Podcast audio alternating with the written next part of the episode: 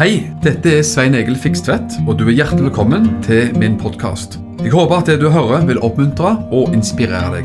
Ønsker du mer informasjon om arbeidet i drivet, så kan du gå til mission-alliance.org. Gud velsigne deg.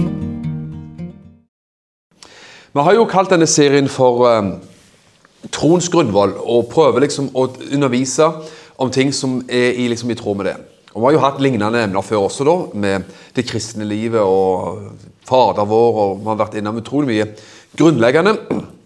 Dette har jeg kalt for et solid ankerfeste i krisetider. Et solid ankerfeste i krisetider. Det er en del av vår tro, det. Det er en del av vår um, det med det, altså, Hvis ikke vi kan alt, skjønner alt og forstår alt Nå ble det bra sitert her fra Johannes' åpenbaring. Men om du er blant de, eller blant oss, som ikke skjønner alle ting i Johannes' åpenbaring, så, så fortvil ikke. Du kan ha et godt liv for det om. Og du kan ha troens grunnvoll intakt. For troens grunnvoll det er jo en grunnvoll, det er en grunnmur. Vi snakker om altså, de viktigste elementene i vår tro. Og faktisk så er det med hvordan man lever og takler livet og vandrer i livet når dagene er onde, er faktisk viktig å preke om. Alle av oss opplever forskjellige slags dager. Gode dager, onde dager. Jesus har lovt oss å være med oss alle dager. Det, inn, inn, det innbefatter alle slags dager inntil verdens ende. Så på den måten så er det jo klart at vi, vi opplever mye av det samme som mennesker. Men, og derfor er det så viktig at man ikke bare tar liksom de, de lyse og salige sidene ved livet, men at vi også innser at Bibelen har utrolig mye å si om det å vandre også i dødsskyggens dal. For det gjorde David, ifølge Selme 23. Han vandrer i dødsskyggens dal, men han sa 'jeg frykter ikke'. Kan vi vandre i dødsskyggens dal uten å frykte? Fordi vi vet at han er med. Er du ikke enig i at det er viktigere enn, eh, viktigere enn hva vi opplever i livet av vonde ting, er hvem som går med oss? Viktigere, er, eh, liksom viktigere enn styrken på prøvelsen er nettopp han som går med oss i alle, i, alle ting og i alle dager. Du vet at eh, alle av oss, har, tror jeg, regner med, har vært ute med og reist med fly. Det er noen som har reist med fly? Ja. Heller spør er det noen som ikke har reist med fly. De tenker alle har det. Har du reist med fly mer enn to-tre ganger, i hvert fall, så har du hørt vet du, at de sier av og til at det, kan komme turbulens underveis. Uh, ustabile luftmasser, og så merker du at når du kommer ned, så, er det på med sikkerhetsbeltet og holde fast på kaffekoppen. Og uh, håper at det går over veldig fort, for det er jo ikke noe, det er ingen behagelig opplevelse. Men det går jo alltid bra. Det kan man vel slå fast at det går bra. Men det er en litt sånn uh, trist opplevelse hvis det skaker veldig og rister veldig i et fly. da. Og, men, men, når du skal fly i fire timer, og så flyr du gjennom rolige, rolige luftmasser Ikke farvann, men luftmasser. Og så kommer du gjerne gjennom litt sånn turbulent luft. Men sånn er vårt liv også. Livet er forhåpentligvis stort sett bare, stort sett bare bra. og Det er det man ønsker for både oss sjøl og andre. Men av og til så er det altså urolig og turbulent luft, og det er jo, er jo noe vi må forholde oss til. Og eh, alle av oss opplever stormer og kriser i livet. Vi er i så måte i, i samme båt. Men så er det også viktig å si at noen opplever mer hjerteskjærende kriser og katastrofer i livet. Og eh, det bør vi ha et eh, medfølende og sympatisk forhold til. At Av grunner vi ikke kan forstå, og det er vel ingen heller forklaring, til at noen kan oppleve mye mer enn andre av katastrofer, av tap, av sykdom, av vonde ting, altså. Men eh, vi har lov til å be om frels oss fra det onde. For riket ditt, makten og æren i evighet. Amen. Ok. Vi kunne jo snakket om, men det skal vi ikke gjøre, men jeg bare sier det likevel. Vi lever i turbulente tider ute i verden. Det vet vi. Og det er bare hjerteskjærende å få med seg en del av de nyhetene som ruller og går i Ukraina. Vi vet det er spenninger andre plasser også, rundt med Kina og Taiwan og Midtøsten. og mange plasser som er ikke, ikke er beroligende akkurat. Men eh, det er viktig da å bli bevart i Guds fred. Jakob, Jakobs brev, kapittel 1, vers 2-4 sier Utfordrende vers, men eh, de er viktige å ha med. da. Jakob 1, 2-4. Mine brødre, sier han, regn alt bare som en glede når dere blir utsatt for forskjellige prøvelser. For dere vet at når troens ekthet blir prøvet Altså, I en prøvelse så testes vår tro og vår tillit til Gud. Troens ekthet blir prøvet. Virker det tålmodighet? Men tålmodighet må vise seg i moden gjerning, for at dere selv kan være modne og helstøpte og ikke stå tilbake i noe. Det er ganske utfordrende vers. Jeg syns det er veldig bra formulert i akkurat denne oversettelsen her. Være modne og helstøpte og ikke stå tilbake i noe.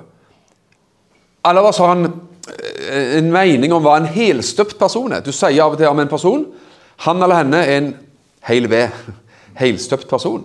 Det er noe man syns veldig godt om. Det er et godt vitnesbyrd, godt omdømme. Gud vil at vi skal være helstøpte og modne alle sammen. Og vet du hva? Ut fra det verset så er det sånn at til og med trengsler, kriser, prøvelser av forskjellig slag skal egentlig ha en hensikt, om du vil, til å virke fram det som er godt i våre liv.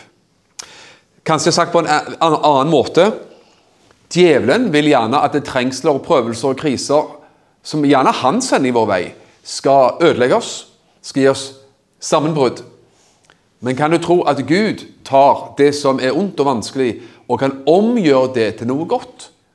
At det blir omdannet til noe som bygger våre liv? Altså Det som den onde ville bruke som en snublestein for oss, kan Gud ta og gjøre til en byggestein i våre liv. Du kan finne en fin stein i naturen vet du, så du gjerne snubler over, til og med. Men du kan ta den samme steinen og lage en fin mur hjemme. vet du, En fin steinmur. Da trenger du litt flere steiner for øvrig. Såpass skjønner til og med jeg.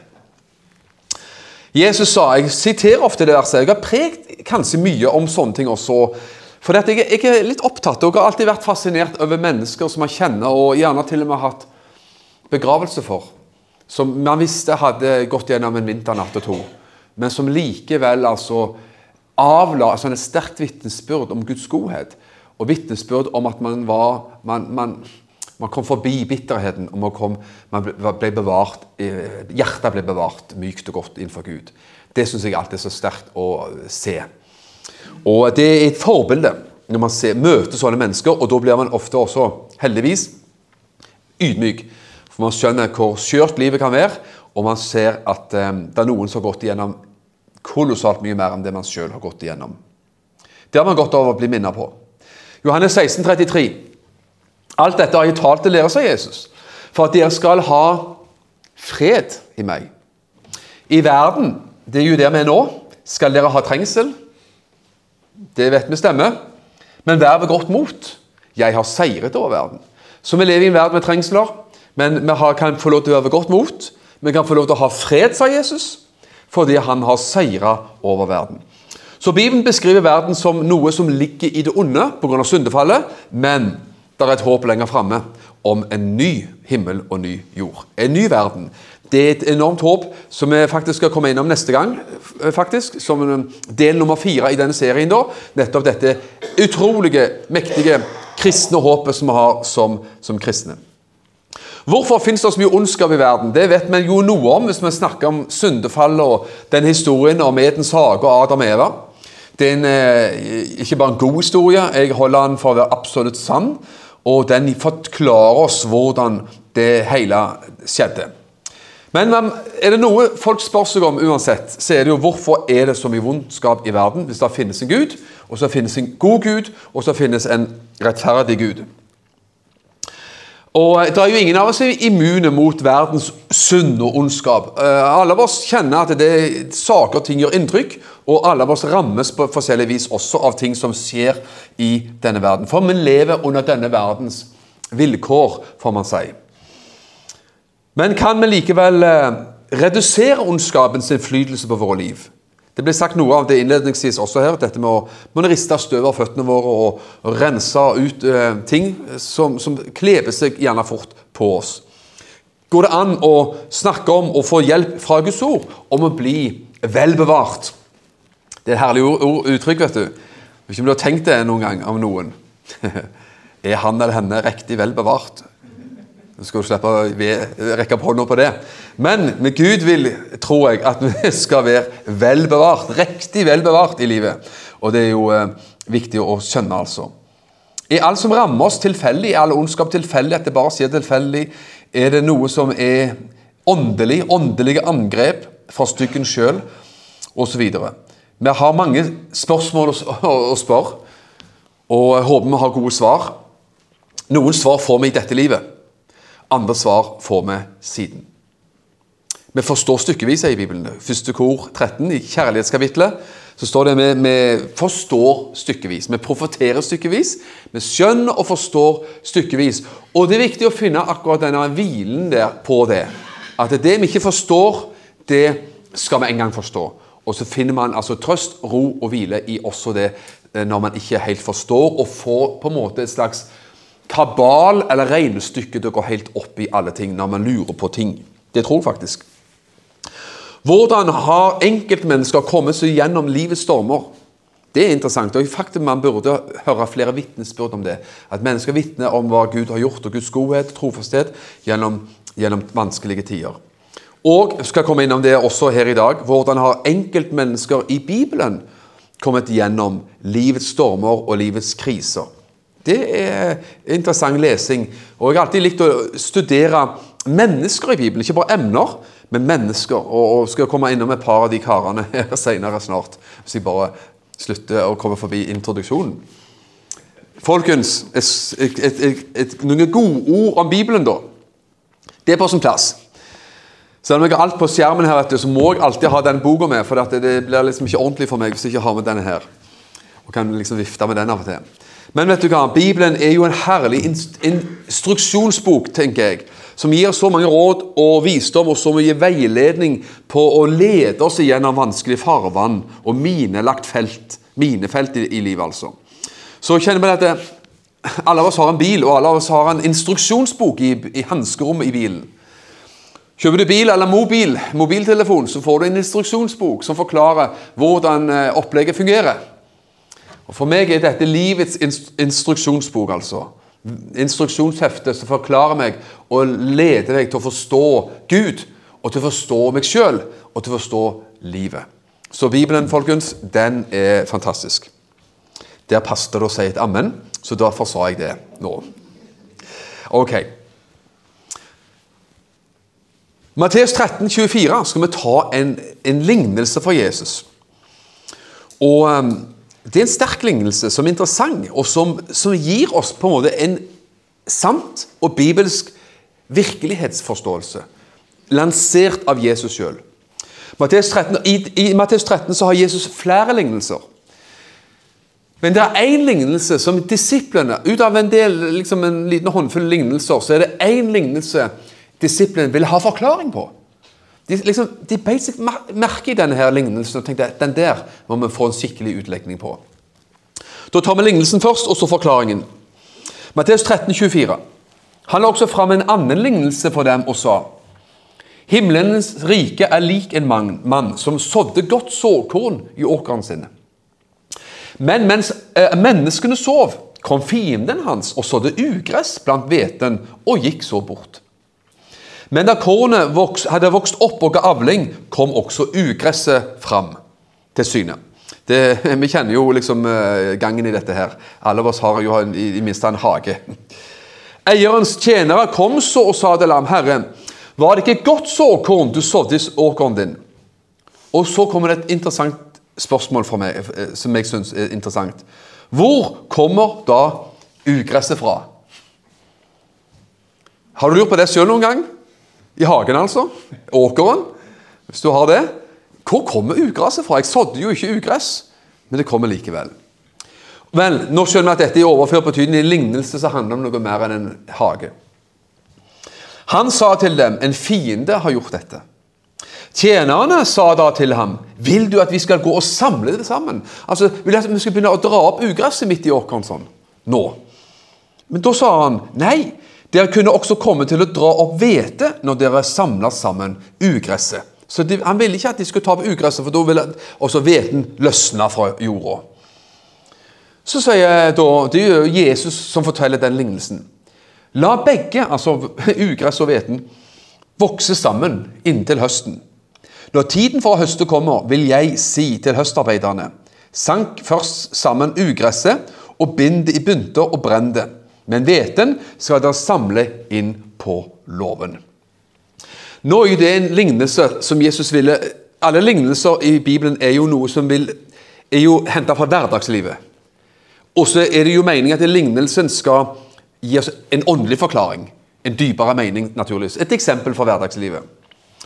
Og da er det jo sånn at eh, de beit seg veldig merke i denne lignelsen her om himlenes rike. Og da står det litt seinere, i, eh, i vers 36 så forlot han folkemengden. Disiplene var sammen med masse folk, folkemengden og disiplene.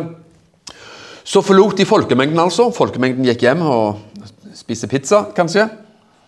Og så står det at da han altså, var kommet inn i huset, gikk disiplene til ham og sa Altså Nå var Jesus alene med disiplene, og da hadde de altså et spørsmål. Og da sier de, forklar oss lignelsen om ugresset i åkeren. Nå vil vi vite mer om dette, Jesus. De skjønner Her er det noe som vi må få tak i og få forklart litt mer. Og han svarte, Jesus svarte, 'Den som så det gode kornet, er menneskesønnen.' Ok, Såmannen var menneskesønnen, så det sårkorn. Åkeren er verden. Altså verden, tilværelsen rundt omkring oss. Hele verden, hele tilværelsen. Det gode kornet er de som hører rike til. Ugresset er de som hører den onde til. Fienden som sådde ugresset, er djevelen. Og høsten er verdens ende, sa Jesus. Altså Innhøstning som han snakket om i lignelsen, er verdens ende. Sagt på en annen måte, jeg legger det til på egen regning her, så får du være enig eller ikke. Høsten er oppgjørets dag. Eh, dommens dag, om du vil. sant? En eller annen gang så kommer verdens ende, der ting skal bli annerledes. Og de som høster inn, er englene, sier han. Og Så går han videre og snakker om hvordan dette skal si at englene skal høste inn osv. Så sånn. Men opplegget dette, da skjønner man at Jesus snakker om forskjellige ting. Åkeren er verden. Det er godt såkorn i verden, det er dårlig såkorn. Gode mennesker, onde mennesker. Rettferdige mennesker, urettferdige mennesker. Og så ser man jo det, det er akkurat der vi befinner oss nå, venner. At vi, vi har ikke kommet til verdens ende. Vi har ikke kommet til oppgjørets dag fordi ugress og hvete vokser sammen. På åkeren så vokser både det som er godt og vondt i denne verden. Men en dag skal jeg ut den rettferdige dommer, atskille, separere ugress og hveten, sier Bibelen. Det er Guds ord om denne oppgjørets dag, denne dommens dag. Guds dag, Kristi dag. Vi kan nok kalle den dagen litt av hvert, altså. Og Da skjønner man at det finnes ut fra dette Det finnes en god åndelig verden. Gud, englene, Guds rike. Altså har vi Guds rike å gjøre. Menneskesønnen leste vi om. Så leser vi om den onde, djevelen, som sådde ugress. Og så finner vi midt i den tilværelsen, midt i verden, så finner vi også menneskene.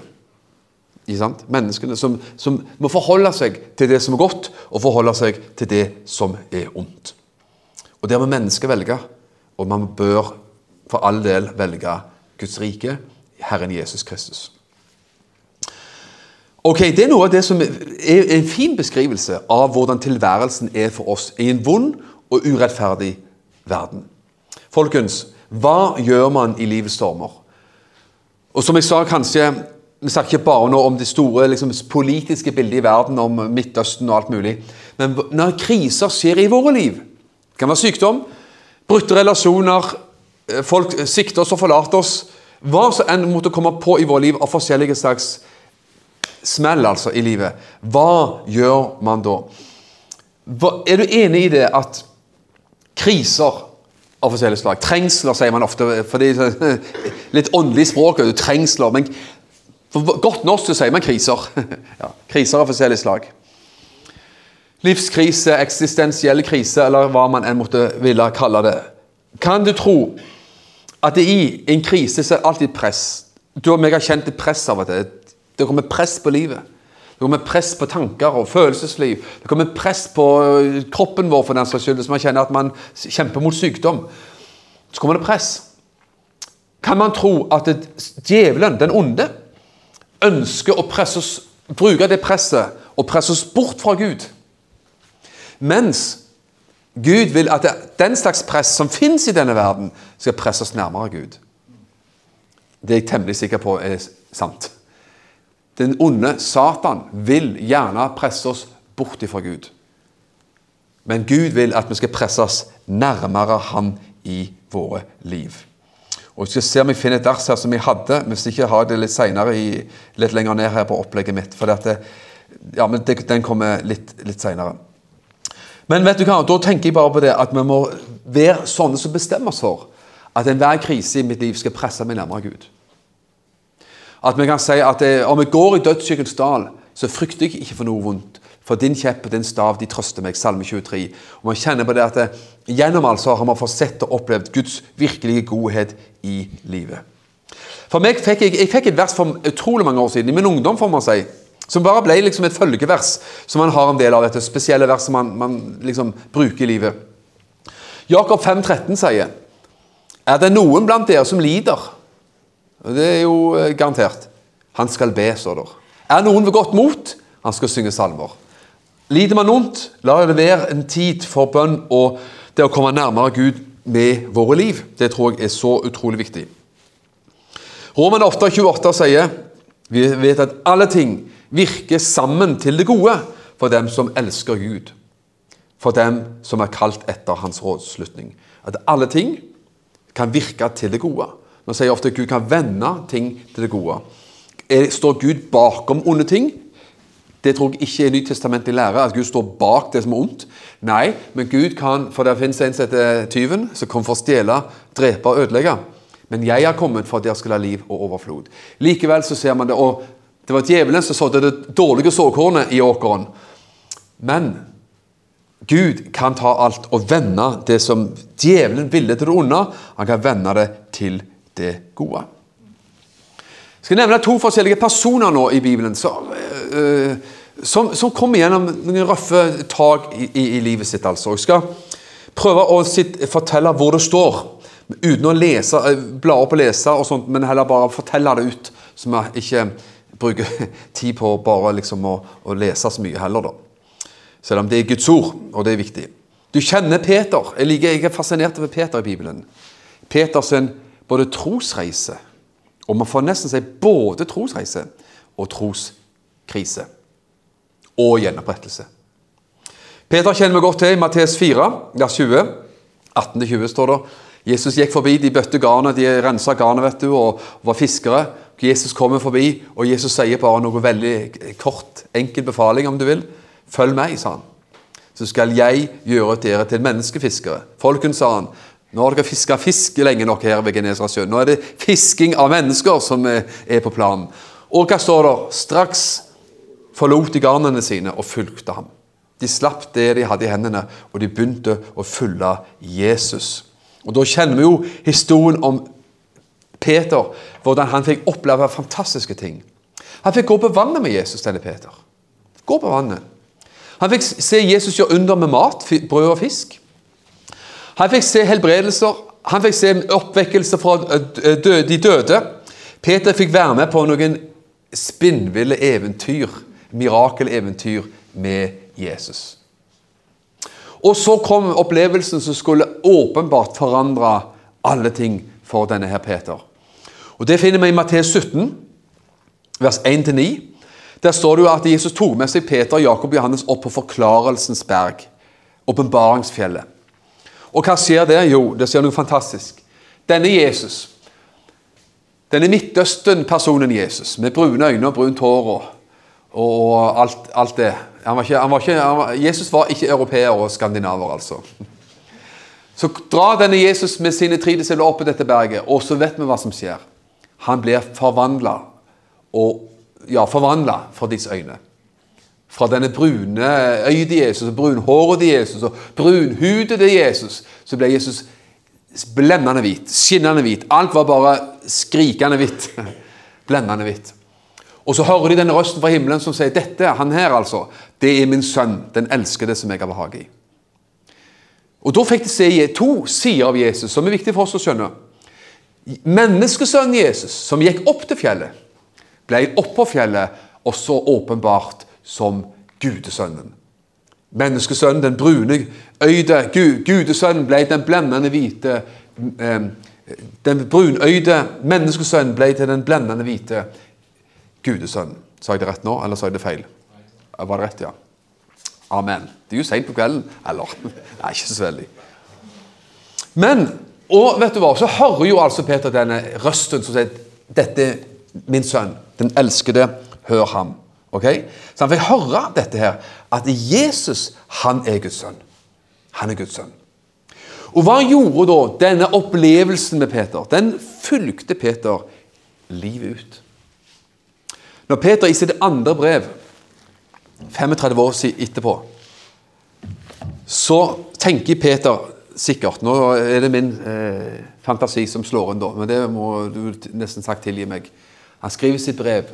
Han sier i brevet 'Jeg skal snart reise for denne verden'. Han var en gammel mann. Og Han ble jo også henretta.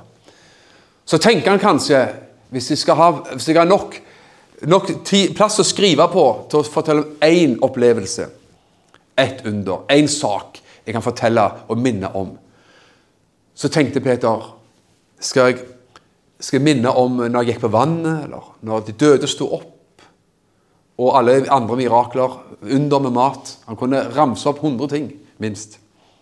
Men så kom, landa han tydeligvis på denne opplevelsen og sier han fikk ære og herlighet fra Gud Fader når, når vi var sammen med han, med han på det hellige fjellet.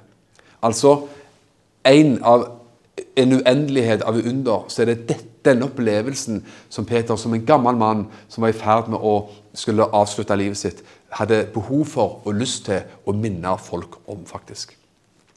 Det sier noe om hva den opplevelsen på fjellet her gjorde for Peter.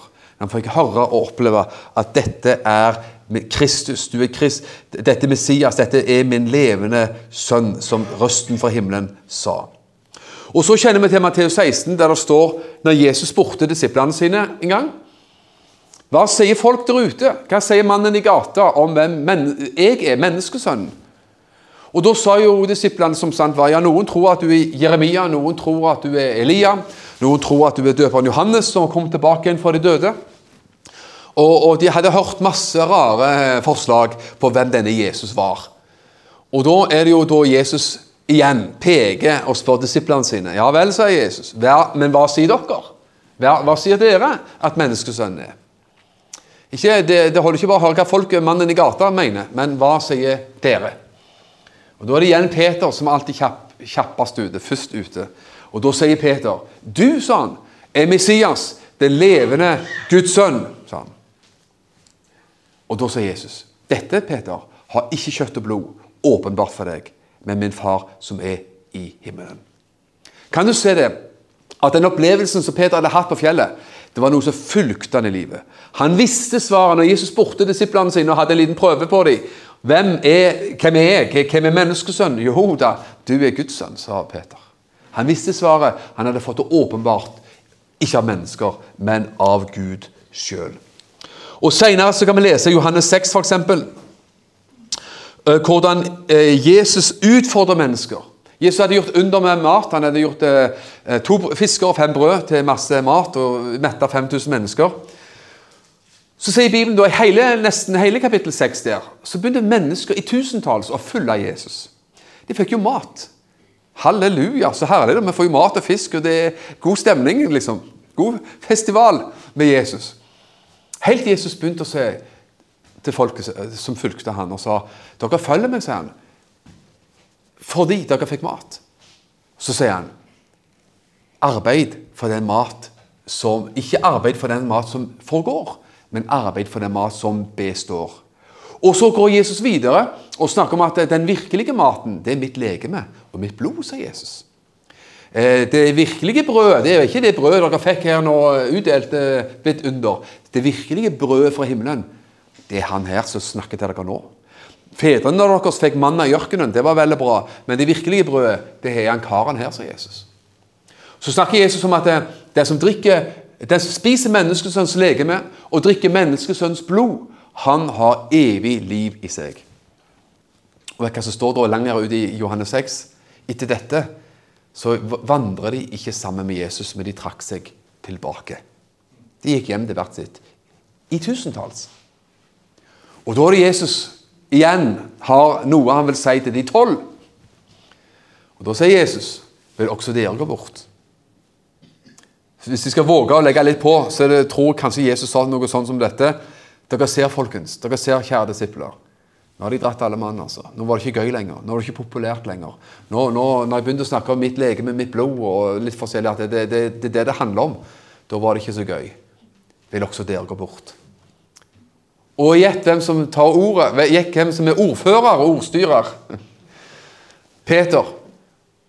Og da sier Peter disse fantastiske ord. Hvem skal vi gå til? Du har det evige livsord. Og vi vet at du i sannhet er Guds hellige osv. Guds Messias, Guds Kristus. Halleluja. Kan du se det? At opplevelsen på fjellet gjorde at Peter, når alle, alle, nesten alle andre gikk, unntatt de tolv, så sto Peter der og sa Jesus, du sier at vi kan gå hvis, vil, hvis vi vil, men vi har jo ingen plass å gå. Vi har jo ingenting andre, andre, vi har ingen andre alternativer, sagt med min oversettelse. Vi har ikke noe annet. Vi har funnet deg, og du har funnet oss. Du er jo Messias, den levende Guds sønn. Oppdagelsen av hvem Jesus var, fulgte Peter også ja, faktisk talt helt til henrettelsesstedet, som vi kan nesten lese om da, i 2. Peters brev. Så det skjedde noe med Peter i alt dette her. Men så er det utrolig nok, folkens, en krise på vei. Og det er når Jesus eh, blir forhørt. Peter følger med. vet du, Etter Jesus var blitt tatt til fange i Getsemane, så følger jo Peter han lusker med og, og, og følger, henger med. liksom. Ser hva som skjer. Han er inne, ved, inne forbi borgen og, hos Herodes osv. Så sånn. Varmer seg der med, med, ved et bål. Og så kjenner vi jo så godt til hva som skjedde. Han fornekta Jesus faktisk tre ganger. Og den historien kjenner vi nok veldig godt til. I forkant hadde Jesus sagt noe til Peter. Tenk at denne Peter som hadde sett Jesus på, på fjellet, som var så fremodig, som sa 'Til hvem skal vi gå til?' Altså, Tenk å være så eh, fremodig og, og, tøff. Og det er bra nok. Det er bra. Men så sier Jesus allikevel i Lukas 22, vers 31 Herren sa, 'Simon, Simon, se, Satan har gjort krav på dere' og krevd å få dere i sin makt for at han skulle forsikte dere som hvete. Men jeg har bedt for deg at en tro ikke måtte svikte. Når du en gang omvender deg, da styrk dine brødre. Tenk på det. Jesus sa du Satan han har gjort krav på å forsikte deg, på å få deg i sin makt til og med. Tenk på det. Det fins åndskamp rundt våre liv. Noe av det tristeste jeg kan noen gang møte og høre om, det er av mennesker som til og med har stått i tjeneste, som er ja, Noen faller helt fra. Noen faller rett og slett helt fra. Andre blir ekstremt liberale og tror knapt på noen ting etterpå. Satan har gjort krav på dere for å få dere i sin makt. For at han skulle sikte dere som vet det. Tenk. Tenk det. Men jeg har bedt for deg at en tro ikke måtte svikte jeg tror der at eh, den muligheten må finnes hos hver eneste en av oss. At vår tro ikke svikter. Troen på Gud. Og troen er ikke en prestasjon. Troen er jo å tro og stole på Gud. Og han sier jo heldigvis, da, når du en gang vender tilbake, da styrk dine brødre. Så Jesus visste jo enden på alt. Og Jesus hadde også tidligere, når Jesus sa at du er Messias, en levende Guds sønn, da sa jo Jesus også til Peter at eh, på denne klippet skal bygge min menighet. Så han hadde fått litt av et kall allerede. Likevel så var det når det var presset var så, som, som verst, så svikta han. Og til og med, sier Bibelen, han banna på at han ikke kjente Jesus. Men Så leser vi videre her i Lukas 22. Men Peter sa, etter Jesus hadde sagt disse rustende ordene til Peter, så sier Peter til ham, 'Herre, jeg er klar til å gå både i fengsel og i døden sammen med deg. Ennå da så protesterte han på det Jesus sa. Og sa at du, beklager Jesus, men du tar nesten litt feil, altså. Jeg er klar. Eh, du kan regne med meg, altså. Da sa han, jeg sier deg, Peter, at hanen skal ikke gale i dag eh, skal ikke, ha, skal ikke gale i dag før du tre ganger har nektet at du kjenner meg. Og det var akkurat det som skjedde kort tid etterpå. Han sa at han ville gå i døden for Jesus. Han var den som sto fram og sa at du er Messias, den levende Guds sønn. Og, og, så gjorde han jo nettopp det. At han fornekta Jesus på det aller, verste, egentlig, kan man si. For, ikke minst i forhold til hva han hadde opplevd. Men så har vi jo heldigvis, Gud skal lov og takk, et sterkt le, og det kan vi lese om i Johannes 21, dette sterke møtet mellom Peter og Jesus etter oppstandelsen.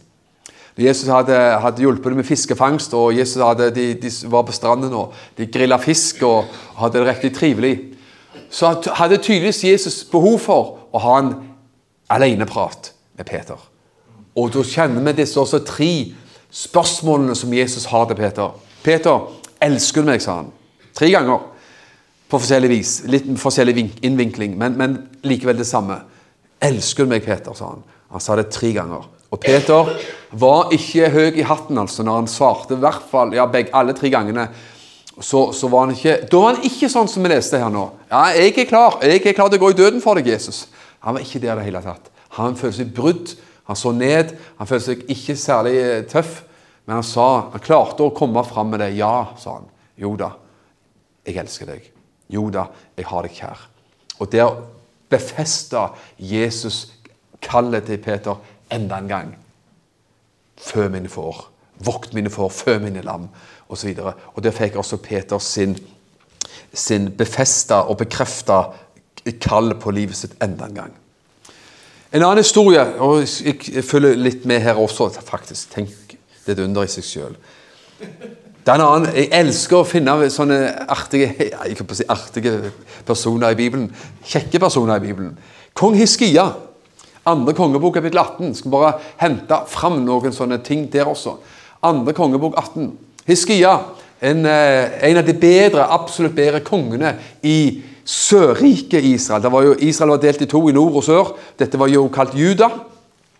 Og Hiskia var en av de bedre kongene av, av Israel, eller Judas sine konger. da. Og det var her er jo sånn ca. 700 år før Kristus. Han var gudfryktig, som jeg sier. Skulle du ha noen få liksom, utsagn om han, rett fra Bibelen. Andre kongebok 18, forskjellige vers der. Det står at han fjerna avgudsdyrkelsen i landet. ikke det fantastisk? Er det bra konge? Amen. Takk. Nummer to. Han satte sin lit til Herren, står det i vers 5. Han satte sin lit til Herren. Vers 6 sier han klynget seg til Herren. Det er ikke vers det heller. Så står det i vers 7 at Herren var med ham. Det er bra. Og han befridde landet sitt også for fiendene rundt omkring. Så han var jo en superbra konge på så mange ting, altså. Det lyktes for Hiskia. Han gikk med Gud, og Gud var med han. Bedre kan det jo ikke bli. Men du, så kommer det likevel også hos han en krise. Også han får oppleve en krise i sitt liv, og, og i, i byen Jerusalem. Da Og Da var det Asyria sin konge, kong Sankerib. Han kom opp mot Juda, Sørriket altså, eh, Sør-Israel får man kalle det. Og han okkuperte mange av byene i det landet, Juda. Og så kom han også til Jerusalem, og omringa Jerusalem. Presset det var kolossalt voldsomt, og vi skal lese noen få eh, strofer på det snart, kanskje. Men, men eh, presset var kolossalt. Vi ser det. Den historien her, er, andre kongebok 18, den eh, Det er nærliggende å tenke Ukraina og Russland når, når man leser denne historien vers for vers. altså Se det presset og se den truslene, manipuleringen og alt som undergår. altså. Det er, du, du kan nesten kjenne det nervepresset når man leser det presset Jerusalem var under den gangen, faktisk. Og da, da er det sånn at eh, når man kjenner press i krise i livet, så kjenner vi press, venner. Og vet du da hva Hiskia faktisk gjør når han er under sånne press? Hva kan han si til fienden som står omringet rundt byen? Hva du enn ber meg om, sier han, så skal jeg gjøre det. Da har du spilt fallitt. Og så står det at Hiskia han tar alt sølv og alt gull som er i tempelet, i Herrens hus, Guds huset. Røsker det løs, og de gir det over til fienden. Og håper ved det at fienden, asyrerne, skal rett og slett være fornøyd og reise hjem og være godt fornøyd. Men det hjelper jo ikke. Presset, beleiringen, truslene, løgnene hagler videre. Og Da har jeg lyst til å bare ta et kjempeviktig poeng for deg og meg. Under press, venner, under kriser i livet, så er det fristende å gi bort sine verdier. Gull og sølv i tempelet, det var verdiene. Det, det, det, gull i Bibelen står for det som er guddommelig, det som er edelt, det som er fra Gud, det som er, har med ånden å gjøre, salvelsen å gjøre osv. Det er gull. Ikke sant? Og her står det, det at, eh, at, han tok det gullet og ga vekk. Og vet du hva? På grunn, av, på, eh, på grunn av press. Og vet du hva? Når vi kommer under press, så er det så lett at vi kompromisser på våre verdier. Og Da har jeg lyst til å spørre deg hva er dine verdier, og hva er mine verdier i livet? Hva er edelt metall i livet vårt? Ja, Det får man jo finne ut av sjøl. For meg er det jo troen på Bibelen. Prise Gud. Det er troen på Bibelen. Uansett. Det er troen på Jesus, det er troen på korset. Det er troskap mot familien, det er troskap mot ektefelle. Det er en hel haug med ting som jeg akter som urokkelige og ukrenkelige verdier, og som jeg ikke har tenkt at noe press fra noen skal rokke i mitt liv. Og det var det akkurat jeg gjorde. Han ga altså um, sølv og gull videre. Men vet du hva? Det kom et veldig hardkjør, og skulle bare høre noen få vers på det. I kapittel 2. Eh, kongebok 18, vers 19. Kong Sankrib og hans soldater utenfor eh, Jerusalem de roper ut dette. Hvilken trygghet har du som du setter din lit til? De roper ut og setter eh, Hiskias og folkets trygghet på prøve.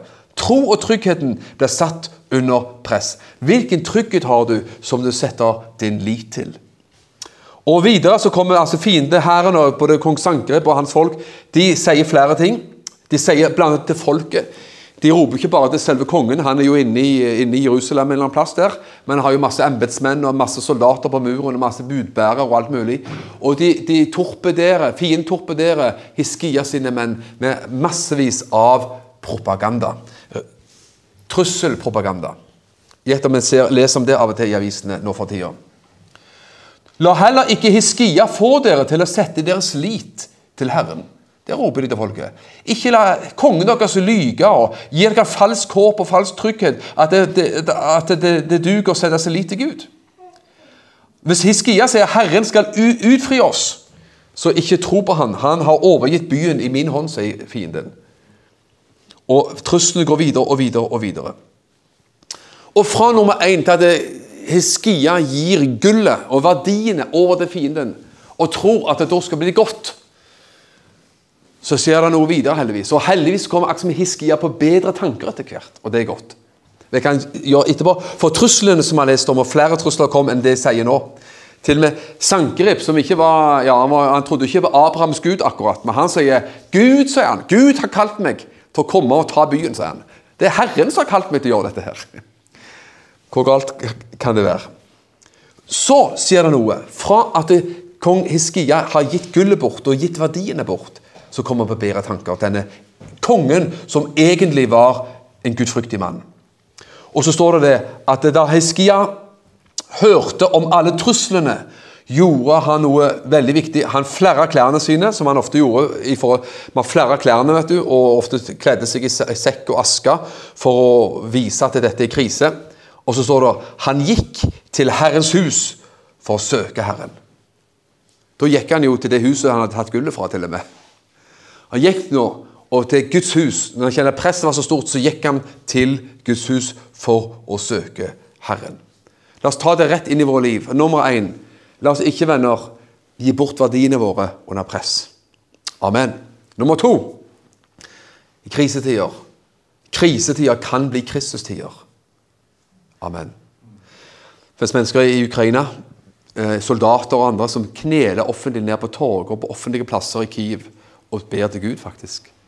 Det er ikke det, vanlig, det ser man vanligvis ikke i Norge, i hvert fall, på Karl Johan. Men det gjør man ofte i Det har vi gjort mye i, i Kiev. Det er mange kristne i, i, i Ukraina. Ok? Og så altså, Hiskia han søkte Gud. Og vet du hva, han gjorde en annen ting også. Vers 3 sier, eller ikke vers 3, men mitt punkt 3 her, han sier også at når truslene fortsatte, vet du hva han da gjorde? Han ba om forbønn. Han sender budbærere til å gå til profeten Jesajas og sier til Jesajas at du må be for oss. Og Du skal lese de versene der. De gikk til ham og sa, så sier Hiskia, altså kongen, denne dagen er en dag med trengsel, tukt og gudsbespottelse. Ja, gjett om noen av oss eller vi kan av og til kjenne igjen det. At det av og til er trengsel, og det er tukt, og det er gudsbespottelse. For barna så bruker et, litt av et bilde. da, For barna har kommet til åpningen på livmoren, men det er ingen styrke til å føde dem. Det var hans beskrivelse. Det kan være at Herren din Gud vil høre alle ordene Rapsaken, det er jo en embetsmann, har talt. Han som hans herre, Asyrias konge, har sendt for å spotte den levende Gud. Og at han straffer ham for ordene som Herren din Gud har hørt. Altså, Det her er budskapet fra Hiskia til profeten Jesajas. Og så sier han Bær derfor fram en bønn for den resten som ennå er igjen. Så han ber Jesajas om forbønn. Og så ser vi også ved en annen anledning at han nettopp går igjen til tempelet. For da fikk han et trusselbrev i, i nedskreven form. Og så sier Bibelen at han gikk i tempelet og la det fram for Herren. La trusselbrevet framfor Gud. Og sa Herre, jeg, jeg, jeg, legger teksten den veien, så du kan lese. Kanskje han sa det. Så kan du se sjøl. Så ba han til Gud og sa Herre, jeg legger alt sammen framfor deg. Og så kommer det et ord senere, profetisk ord, om at, eh, at eh, de skulle vinne seier, og det skjedde også. Det skjedde også. Men kan du se det, hvordan både Peter og Hiskia begge gjorde dumme ting? Begge gjorde dumme ting under press. Du og meg kan ha sikkert gjort mange dumme ting og sagt idiotiske ting under press. Men er du enig i at Gud er god? At Gud er nådig, og at Gud tilgir når vi omvender oss til Han? Og det fins hjelp og seier å få likevel. Og venner, La oss lære av historien, la oss lære av både bibelhistorien og la oss lære av andre menneskers, gode menneskers historie og menneskers gode historie.